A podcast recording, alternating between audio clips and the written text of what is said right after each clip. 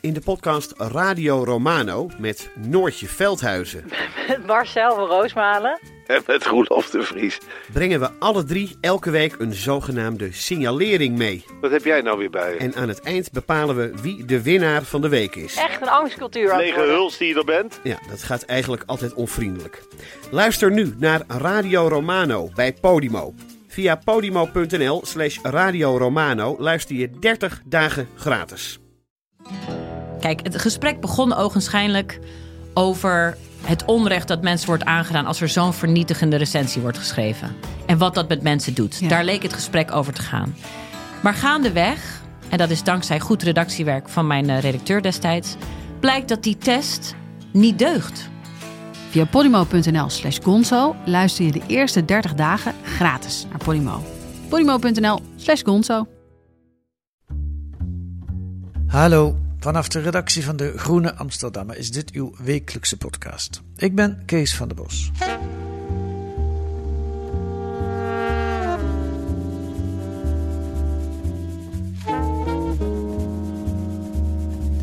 Normaal schrijft hij over onderwerpen als racisme op de woningmarkt of armoede, over jihadisten en hun families of over criminaliteit. Vaak gaat het over diversiteit. Zes jaar geleden won hij de VPRO Bagagedrager, een prijs voor jonge reisschrijvers. Hij is Turk en hij is Nederlander. Tot voor kort dan, want hij besloot zijn Turkse paspoort in te leveren. Waarom? Daarover schrijft hij deze week in De Groene. Rashid Elibol. Dag Rashid. Dankjewel, Kees. Ja, daar zit je dan. Hè? Daar zitten we dan, toch? Je had enige schroom om hierover in de podcast te spreken. Ja. Hoe komt dat? Ehm, nou, het is, het is een. Het, het- het format van een radiogesprek of een podcastgesprek is dat je een hapklare antwoorden, eh, hapklare zin antwoord geeft op vragen die worden gesteld. En dat is bij dit onderwerp gewoon heel lastig, omdat ik. Het is in mijn hoofd, zeg maar. eh, het is iets wat ik al mijn hele leven meedraag, zeg maar, dit, deze thematiek. En dan is het gewoon moeilijk om erover over over te praten. Eh, of tenminste, laat ik het zo zeggen. Ik schrijf er liever over dan dat ik erover praat. Zelfs mijn, eh, eh, mijn vriendin, toch degene die mij misschien wel het best kent, die zei toen ze dit stuk had gelezen van... hé, hey, er staan ook voor mij nog allemaal dingen in waarvan ik niet wist dat je daarmee worstelde... of dat dat een, eh, nog een punt voor je was. Ja, ja nee, ik snap het. Is dat ook de bijna klassieke gêne van een journalist om over zichzelf te schrijven? Ja, natuurlijk. Dat, dat speelt natuurlijk ook mee. Is, eh, het is al lastig om over jezelf te schrijven. Ehm, en dan is dit ook nog een onderwerp wat super persoonlijk is, wat niet alleen mezelf aangaat, maar ook mijn familie, eh, mijn kinderen, weet ik het, alles eh, erop en eraan. Dus dat maakt het inderdaad nog, nog lastiger om erover te spreken. Maar ehm, aan de andere kant weet ik ook dat ik af en toe in de podcast moet verschijnen. En je hebt mij overgehaald om dit te doen, eh, maar ik doe het niet met tegenzin. Nee, nou dat, dat is mooi. Nou, je hebt het ook niet met tegenzin opgeschreven, denk ik, want het zijn elf eh, prachtige scènes geworden die op zich een heel mooi beeld geven van, van nou ja, je zegt zelf al, zelfs voor je vriendin zitten er nog nieuwe dingen in van de worsteling, Ja, van jouw worsteling. ja, Waar gaat het over, in essentie? Over identiteit. ja, Wie ben jij? ja. Wie ben ik?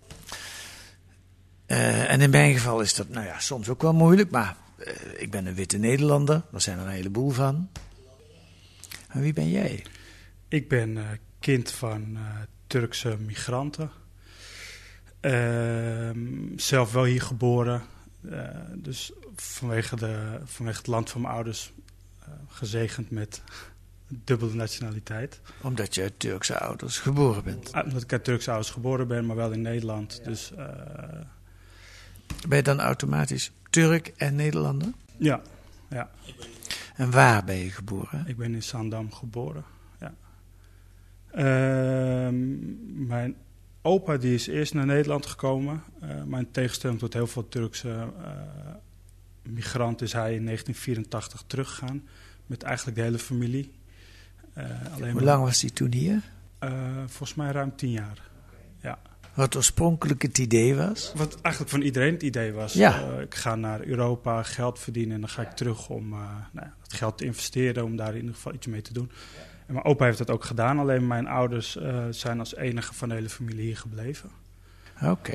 Ja, en ehm, ik zou zeggen dat we uit een, niet uit een gemiddeld Turks gezin komen. We zijn bijvoorbeeld niet gelovig.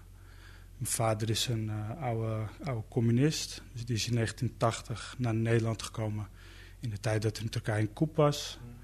Ehm, dus dat is een beetje mijn achtergrond.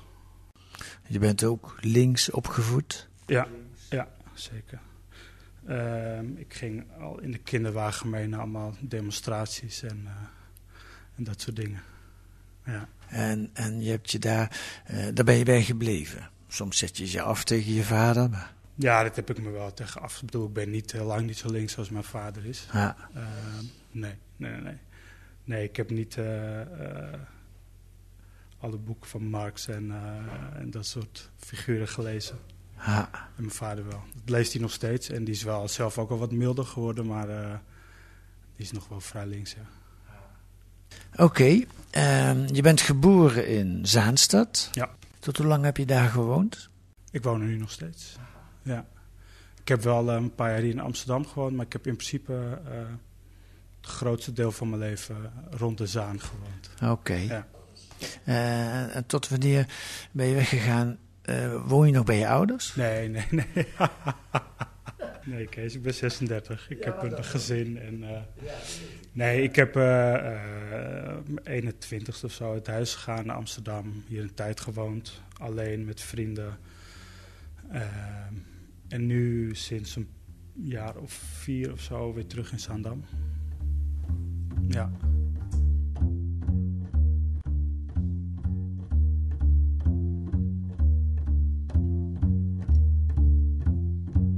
Ik ga je vragen om, als je dat wil, een stukje voor te lezen. Eh scène 4. Ik heb hem aangestreept.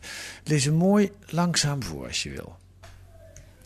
De telefoon gaat. Het is je opa vanuit het kutland en hij zegt dat oma graag je stem wil horen. Hoe het gaat wil ze weten. En omdat ze het antwoord niet meteen hoort, praat je harder en harder en daarna neemt zij het weer over. Ze zegt dat ze je zo gemist heeft. Wanneer kom je langs? Dat ze je dan veel gaat zoenen, dat ze spuug op je gaat smeren tegen het boze oog. Een onderling grapje dat jullie maken sinds je je kunt herinneren. En jij zegt dat je haar ook zo hebt gemist. En je rekent dan uit dat jullie elkaar al zeven jaar niet hebben gezien. Ze is nu 85, 86. Je weet het niet precies. Maar als je, maar informeert naar gezondheid, zegt ze... Maak je geen zorgen, jongen. Ik ga niet dood zonder jou hier te zien. Dat emotioneert je, dat laatste?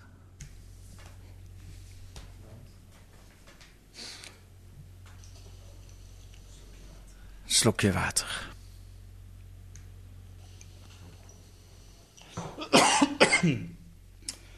Ja, omdat ik mijn oma mis. Ik heb haar al eh, lang niet gezien. Eh, ze is oud. Ze kan, eh, ja, ze heeft niet heel lang meer. De vraag is, wanneer ga je er weer naartoe? Dat is de vraag. Het is Ja. maar één scène, in totaal zijn er elf. Maar dit geeft aan met, dat je met draadjes met Turkije verbonden bent. Dit trekt. Ja, klopt. Maar kun je wel naar Turkije eigenlijk? Ehm, nou, dat is ook wel een van de redenen dat ik mijn eh, paspoort heb opgegeven met Turkse nationaliteit. Ehm, zoals je ongetwijfeld weet, is het voor journalisten niet een heel fijn land om heen te gaan. Ehm, ik heb zelf stukken geschreven en onderzoek gedaan eh, waar ze daar ook niet heel blij mee waren. Of in ieder geval Turkse Nederlanders, die waren daar niet blij mee. Die hebben me aangegeven, je had een tijdje zo'n kliklijn. Ehm, dus ik... eh, Kliklijn? ja, ja. Je had de kliklijn. eh, dat was in het leven geroepen door de Turkse staat. Oké. En eh, mensen die een mening hadden die ze niet beviel... of die zich op sociale media uit, uitspraken tegen Turkije... die moesten worden aangegeven. Oké, en dan?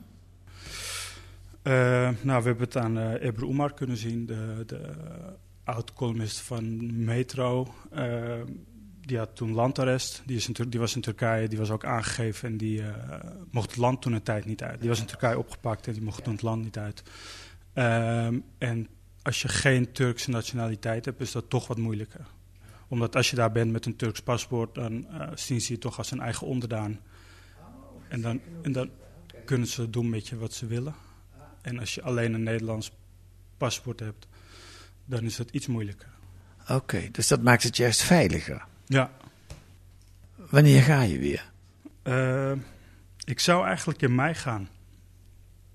Dus eigenlijk vlak nadat ik eh, hoorde dat ik zelf geen Turk meer ben, dat, me, eh, ja, dat, dat mijn aanvraag om mijn paspoort in te leveren goedgekeurd was, hadden we tickets geboekt. Ook omdat mijn ouders dit jaar 40 jaar getrouwd zijn. Zouden we met z'n allen daar vieren, maar nee, dat ging allemaal niet door. Door de coronacrisis. Ja. Oké, maar je durft het dus nu wel weer ja, aan. ja, ja. Eh, terug naar die identiteit. Eh, Mhm. Je bent dus Nederlander. ja. Hoe voelt dat voor jou? Wat ben jij het meest? Ik heb mezelf eigenlijk altijd Nederlander gevoeld. Ehm, ik heb me ook altijd wel een beetje afgezet tegen mijn Turkse afkomst, als kind al. In jouw gezin? Nou ja, gewoon, ik, ik wilde er gewoon niet zoveel mee te maken hebben. Ik eh, ging het liefst niet mee als we daarheen op vakantie gingen. Ehm, in tegenstelling tot heel veel vrienden was ik bijvoorbeeld bij iets banaals als voetbal... was ik altijd gewoon voor Nederland, niet voor Turkije. Ehm, Daar zit de emotie, hè? Ja, ja, ja precies. Dus eh, ik heb mezelf altijd wel als Nederlander gezien. Alleen ehm, ben ik natuurlijk allebei geweest. Of in ieder geval werd ik ook gezien als Turk. Ja. Als jij het al niet wilde zien, dan werd het je wel ingevreven. Juist. Ja, ja, zeker. Geef eens voorbeelden. Ehm, ja, dat, een van de dingen die ik opschrijf is ook dat... eh, nou ja, een buurman had die als de bal tegen zijn auto kwam... ons schopte en zei... rot op naar je eigen land, vieze Turk. Maar goed, ja, dit zijn bedoel, honderden voorbeelden. Als je mij op straat zet nu en je vraagt aan tien mensen wie is dat... dan zeggen er eh, negen, dan zegt negen van de tien niet dat is een Nederlandse man. Toch? Nou, nou, nee, ik zat nu ze zat te praten erover na te denken. Maar grote kans dat... Ja, Ja, jij kent me een beetje, je weet, eh, dus misschien dat jij er anders over denkt, maar eh, als je me helemaal niet zou kennen, dan, eh, ik bedoel, ik zie er ook anders uit. ja weet je wel. nee, in, het begin zeg je, zet ik me er eigenlijk tegen af. Dus als je met je ouders op vakantie ging naar Turkije, dan uh, vond je daar niks aan? Nee. Nee, nee, nee, ik wilde er gewoon niet veel mee te maken hebben. Ik schaamde me ook dat mijn ouders slecht Nederlands spraken. Uh, dat ik mee moest naar de dokter om te vertalen, dat soort dingen. Uh, Eerder een soort handicap dan iets extra's. Ja, zeker. En er kwam ook nog eens omdat we uh, uit een wat atypisch gezin komen. Dus dat we door de, een groot deel van de Turkse gemeenschap ook niet echt werden geaccepteerd als uh, een van de gemeenschap. Want linkse Turk. En niet gelovig vooral. Oh ja. Mijn moeder droeg geen hoofddoek, sterker nog. Uh, ze zat wel eens in een badpak op het balkon als wij in een badje aan het zwemmen waren. Ze dronk wel eens een biertje of een wijntje, ze rookte. Ze studeerde, uh, ze werkte. Dat waren allemaal geen aanbevelingen. Een hoer. Ze was een hoer, ja. Volgens uh, een buurvrouw. Een buurvrouw met een hoofddoekje. Ja. Dus dat Turk zijn heeft eigenlijk van begin af aan nooit iets positiefs voor jou betekend. Mm -hmm. Ik heb er inderdaad uh, voor mijn gevoel als kind weinig voordelen aan. Tenminste, zo ervaarde ik dat. Weinig. Maar wat betekent dat naar je ouders toe? Je bent in principe solidair met je ouders. Mm -hmm. En dat zijn Turken. Ja, dan scheelt het wel dat mijn ouders echt uh, wars zijn van elke vorm van nationalisme. Uh, zij hebben ook heel erg uh, gestimuleerd om afstand te doen van mijn Turkse nationaliteit. Wat natuurlijk ja? heel erg. Ja, ja, ja, zeker. Ja, dat schrijf ik ook op. Ja, die stonden te juichen toen ik uh, uit, uit, de ambassade kwam. En ze belden van hey, volgens mij is het allemaal goed gegaan. Stonden ze ook te juichen, ja. Dat is ook typisch eigenlijk. Wa waarom juichten ze? Nou, voor hun was het ook wel gewoon om praktische redenen. Dat ik daar gewoon heen kan en dat ik gewoon niet in, in, in, in, dienst moet, want dat speelt ook nog mee. Daarom heb ik dat nu ook gedaan. In Turkije heb je dienstplicht. Ja, dat was de aanleiding. Dat was de directe aanleiding, ja. Turkije heeft een dienstplicht. Uh, ook al woon je in Nederland, dan moet je toch in dienst. Ja, zeker. En dienstweigeraars, daar heb ik ook wel eens verhalen over gelezen en gemaakt. Daar, daar zijn ze niet blij. Dat, dat is iets... Daar zijn ze niet blij mee, nee. Ja, je, je mag het land niet in. En als je er wel in komt, moet je volgens mij eerst uh, gevangenisstraf uitzitten. Of in ieder geval... Uh, daar zijn ze niet zo blij mee, nee. Er zijn wel deserteurs op uh, raadselachtige wijze om het leven gekomen. Ook dat, ja, zeker. Oké, okay, dus de aanleiding was nu... maar wacht even, je bent 36. Dus mm -hmm. moet je dan toch nog in dienst? Ja, als je 18 bent... Ja. en als je dan studeert in Nederland of je werkt... Dan kan je een uh, bewijsje krijgen van de instelling waar je studeert. En dan krijg je uitstel tot je 38ste. Dus voor mijn 38ste moest ik dat uh, regelen.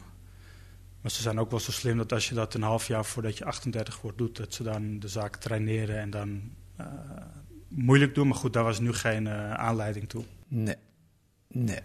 Je hebt ook, als ik dat nu weet, ook wel weer vrij lang ermee gewacht om geen Turk te willen zijn. Mm -hmm. Uh, nou, het is ook wel omdat het, zeg maar, er was niet een directe aanleiding om het wel te doen. Het is ook niet zo dat ik, bedoel, ik ben er, uh, het, is een, het is best een emotioneel onderwerp voor mij, wat ik zeg, bedoel, dat merk je ook wel.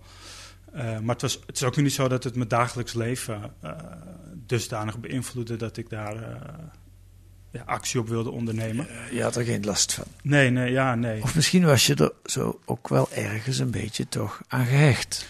Ja, dat merkte ik wel toen ik het uh, uiteindelijk ging opzeggen. Uh, ik vertelde net al dat mijn ouders uh, stonden te juichen en ik, een collega was mee. ik zal zijn naam niet noemen, want ik noem hem ook niet in het stuk. en, die, en hij vroeg toen we naar buiten kwamen van ja, uh, hij merkte natuurlijk wel aan me dat ik uh, aangedaan was. Of dat ik in ieder geval minder blij reageerde dan bijvoorbeeld mijn ouders. Dus hij vroeg ook van hoe voel je nu? En ik kon oprecht niet zeggen dat ik heel opgelucht was of zo. Het voelde toch gek genoeg uh, heel dubbel. Ja. Omdat ik toch, ik weet niet, ja, misschien het gevoel had dat ik de banden met het land helemaal afsnijd. Ook voor mijn kinderen. Stel dat die wel wat ik niet hoop, maar als die nou wel uh, uh, de behoefte hebben om zich heel erg uh, Turks te voelen. Nee, ze zijn in Nederland geboren, ja. ondanks dat jij Turkse nationaliteit hebt. En jouw vrouw of vriendin is ook Nederlandse nationaliteit? Ja, ja die is... Oké. Maar goed, ik kan me wel voorstellen, want je gooit toch ongevraagd een stukje van je identiteit weg. Ja. Ik hoef dat niet. Nee, dat is waar. Aan de andere kant kan je natuurlijk ook afvragen... Ehm, hoeveel daarna verandert. Ik bedoel, uh, niemand die mij ziet denkt van... hé, hey, uh, hij, heeft, zijn paspoort uh, weggedaan. en volgens mij is je identiteit ook deels hoe mensen jou zien. Um, dat gedeelte blijft hetzelfde, maar identiteit is ook hoe jij jezelf ziet. Mm. En je hebt nu een band doorgesneden met een land waar je wel banden mee hebt. Ja. Dat doet toch pijn. Ja, tuurlijk, ja, dat is ook zo. En dat heeft me uh, toch meer gedaan dan ik had verwacht. Ik, misschien dat ik het daarom ook wel steeds heb uitgesteld. Ja. Ik, ik, ja. Je, je, noemt het uh, een kutland. Daar kan ik me alles bij voorstellen.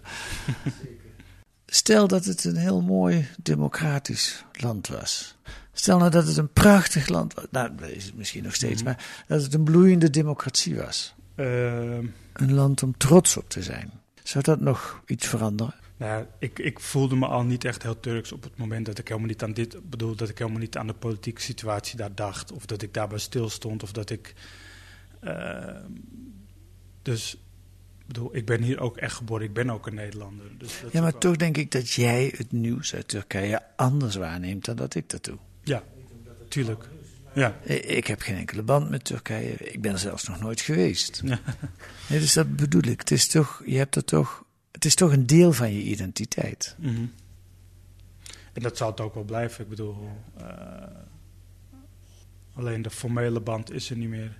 Ik krijg geen oproepen meer om te stemmen. Nee. Ik hoef me geen zorgen te maken over de dienstplicht. Ik hoef me geen zorgen te maken of Volgens mij, uh, als ik Turk zou blijven, dan zouden mijn kinderen ook uiteindelijk automatisch een Turks, Turks nationaliteit krijgen. Uh, Erbij krijgen. Ja, ja, ja maar, maar, toch weer even terug naar die vraag. Stel dat het een prachtig democratisch land was. Misschien wel leuker dan Nederland. Mm -hmm. Wat dan? Ja, maar toch is het niet mijn land. Ik, bedoel, ik ben er een paar keer op, uh, op vakantie geweest, op familiebezoek.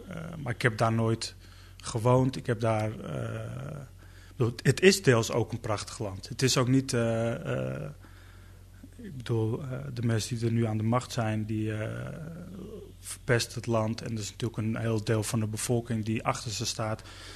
Aan de andere kant, ehm, als ik kijk naar mijn neefjes en nichtjes in Turkije en als ik dat afzet tegenover mij en mijn zus bijvoorbeeld, denk ik niet dat wij heel anders in het leven staan ik denk niet dat we per se heel andere waarden hebben. Of, uh, dus het is ook niet dat ik alleen maar afstand neem omdat het een kutland is. Maar omdat ik gewoon uh, voor Nederland kies. Ik ben hier, ik blijf hier. Mijn toekomst is hier. Ehm, die worsteling die ik heb gehad. Met tussen twee culturen zitten. Tussen, ja. ja. Ik bedoel, niet weten. Als iemand vraagt, wat ben je? Dat je daar al als, als, als puber niet echt antwoord op kan geven. Dat wil ik gewoon niet. En dat wil ik ook niet voor mijn kinderen. En dat wil ik ook niet. Uh, dus dat is het eigenlijk meer dan dat ik me afzet tegen een kutland. Wat ik.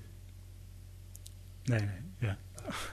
En wat er gebeurt, ik weet dat van collega Sinan Kan van uh, BNN Vara. Als je kritisch bent op Turkije, als Turk, mm -hmm. dan krijg je ook een heleboel shit van de Turkse gemeenschap over je heen. Ja. Kun je daar ook over meepraten? Ja, tuurlijk. Ja, ik bedoel, uh, ik weet zeker dat als dit stuk online komt, dat er niet alleen maar uh, positieve reacties uit de Turkse gemeenschap komen. To put it mildly. Ja, ja. Nee, ik heb dat eerder ook wel gehad. Uh, ik heb toen ik bij het Parool werkte een stuk gemaakt over pro-Erdogan media die gesubsidieerd... Het onderzoek bleek dus dat die gesubsidieerd werden door het Stimuleringsfonds. En ik heb een keer een onderzoek gedaan naar de Turkse premier destijds. Die had allemaal bedrijven hier in Nederland. Daar waren ze niet zo heel blij mee. Maar goed, ik heb ook wel eens opinierende stuk ook voor de Groenen wel eens gemaakt. Uh, waar er wel op werd gezet dat ik een land verraden wel eens. En dat ik, weet ik veel, was mijn moeder weer een hoer of zo. Weet ik het, zulke dat soort dingen. Je doet er vrij gemakkelijk over. Ja. Kun je dat van je afschudden? Nou, het is niet leuk. Ik bedoel, uh, nee. Als je een stuk maakt, hoop je toch dat mensen er positief over zijn. Of in ieder geval, uh, als ze kritiek hebben, prima, maar wel opbouwend. Of in ieder geval. Uh, maar hoe ga je ermee om? Ga jij nu niet kijken op Twitter? Jawel.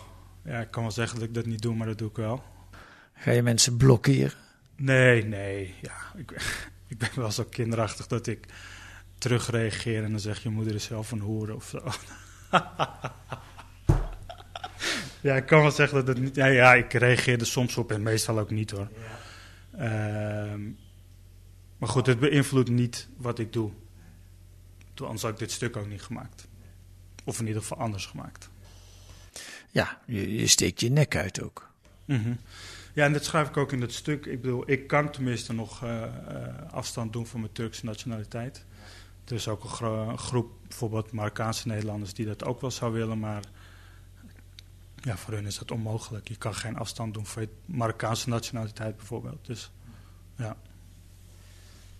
Even weer naar jou, ja. identiteit. Je bent journalist geworden. Dat ben je al zeven, acht, negen jaar. Hoe lang ben je het al? Ja, ik denk een jaar of tien inmiddels. Waarom ben je journalist geworden?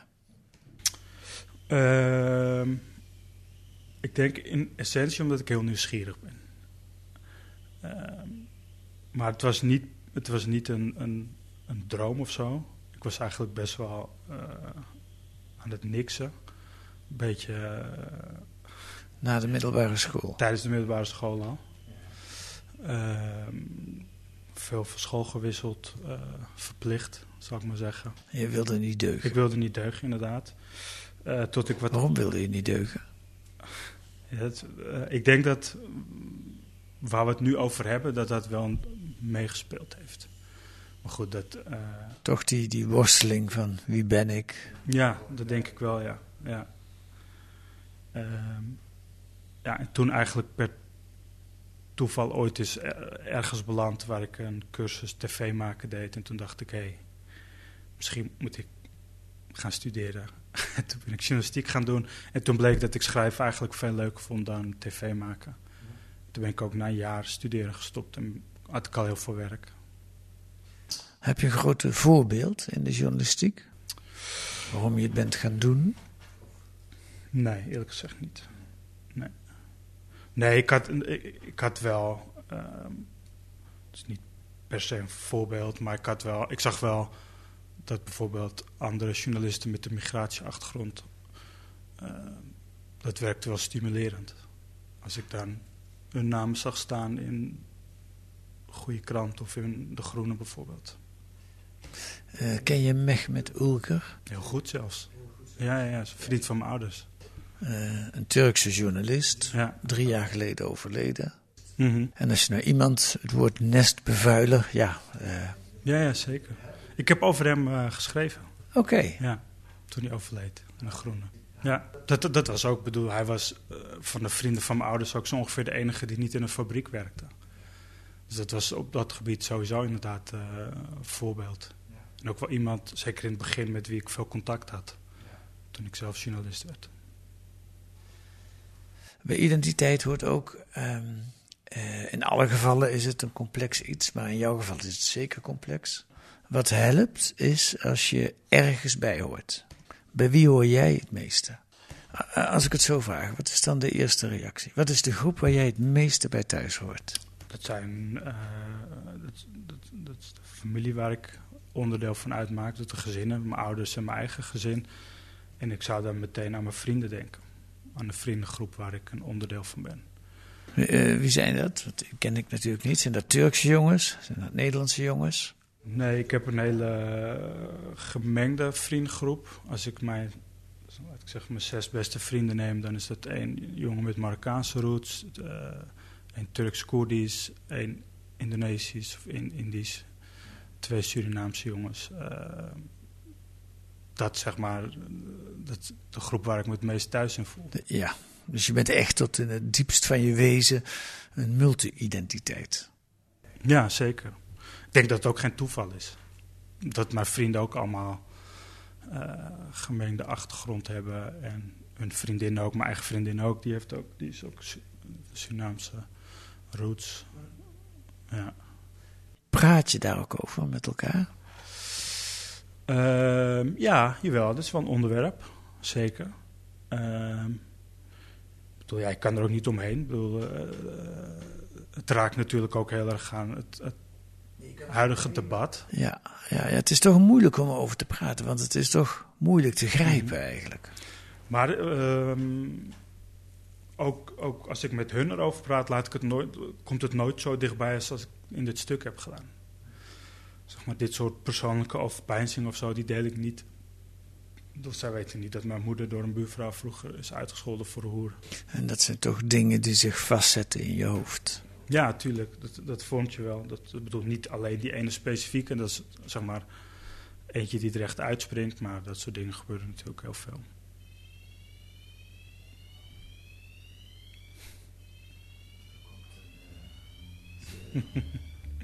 Ze komen me halen. Ze komen me halen. Ze, ze komen je halen. Of is dit eh, de cue dat het is afgelopen?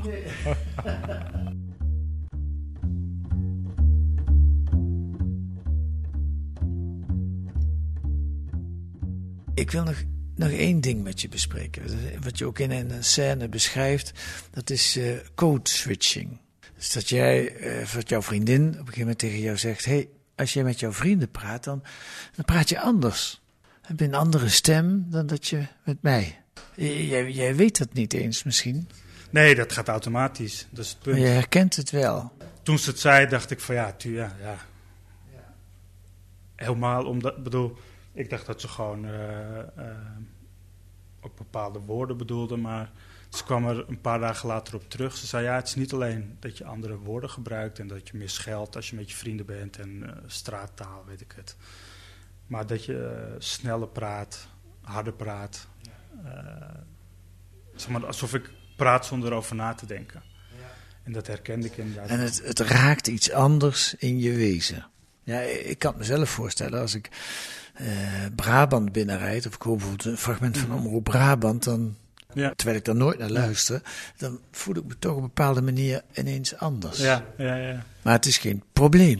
Ik weet niet hoe dat bij jou is. Voelt dat als eh, problematisch? Nee, nee, nee, nee. Het voelt. eh, nou, ik weet niet. Ik voelde me toch wel een soort van ongemakkelijk over of zo. Je voelt je een beetje betrapt. Ja, je voelt je inderdaad een beetje betrapt. En alsof je een soort.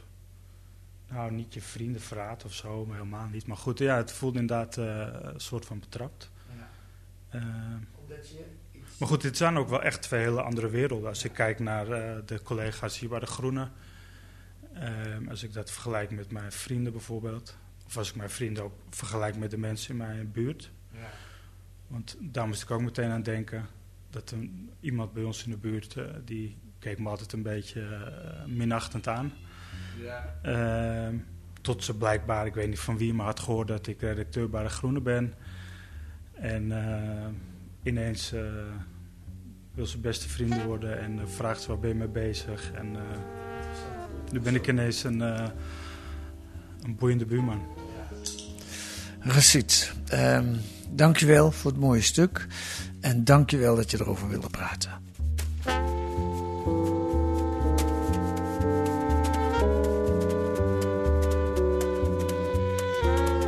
Lees het persoonlijke verhaal van Racit Edebol in De Groene van deze week.